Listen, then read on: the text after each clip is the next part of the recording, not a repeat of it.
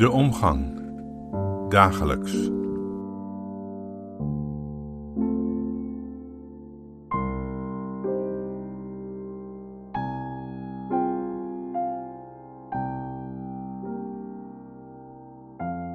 Deze weken lukte het me niet elke dag een podcast klaar te hebben.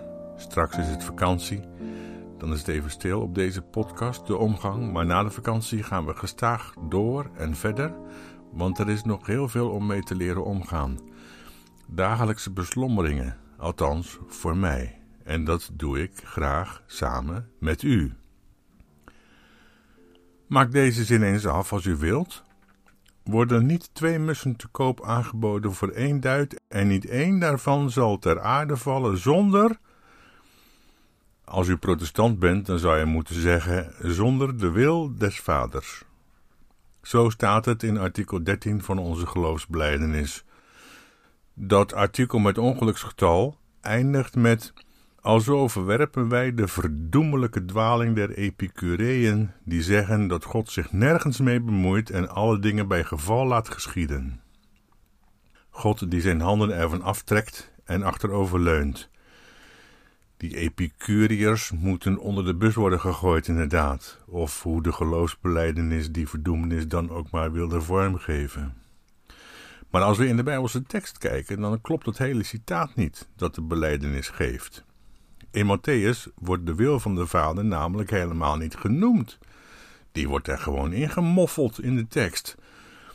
De tekst luidt namelijk zo: worden niet twee mussen te koop aangeboden voor één duit, en niet één daarvan zal ter aarde vallen zonder uw vader. En mocht je twijfelen wat daarmee wordt bedoeld, dan kijk je maar in de parallelle tekst van Lucas en daar staat: worden niet vijf mussen verkocht voor twee duiten, en niet één van die is vergeten voor God. Die mussen bij Lucas zijn dus een stuk goedkoper daar heb je er vijf voor twee duiten, dus één mus kost daar twee dubbeltjes. En bij Matthäus heb je er twee voor één duit, dus één mus bij Matthäus kost je twee kwartjes, tweeënhalf keer zoveel. Het hangt er dus maar van af op welke markt je die mussen gaat kopen. De prijs is blijkbaar een kwestie van vraag en aanbod. Overigens betwijfel ik of je bij het woord strutia aan onze huismusjes moet denken. Veel vlees zit daar namelijk niet aan. Maar goed, de kwarteltjes in de woestijn lijken ook niet op onze plofkippen en dienden wel degelijk tot dagelijks voedsel naast het manna. De mussen werden, zo stel ik me voor, door de jeugd met een katapult uit de dakgoot geschoten en vervolgens op de markt verkocht voor een grijpstuiver. Soort bijverdiensten.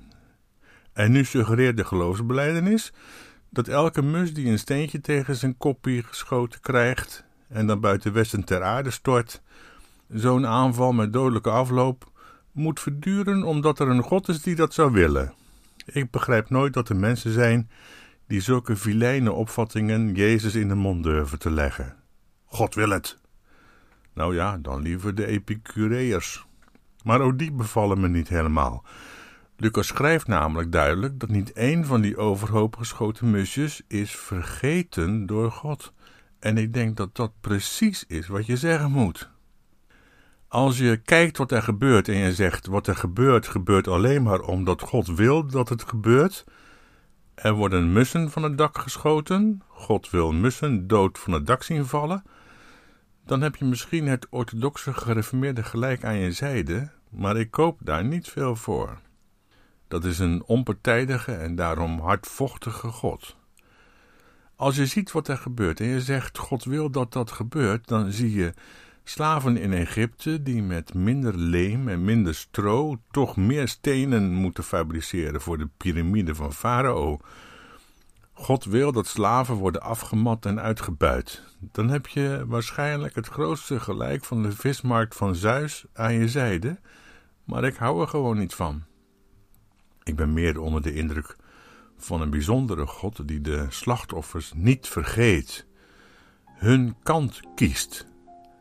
En je kunt alleen maar spreken over een God die de kant van slaven en slachtoffers kiest, als je niet eerst van die God een soort almachtige wellusteling maakt, die wil dat de slaven zijn en dat de mensen door hun kop worden geschoten.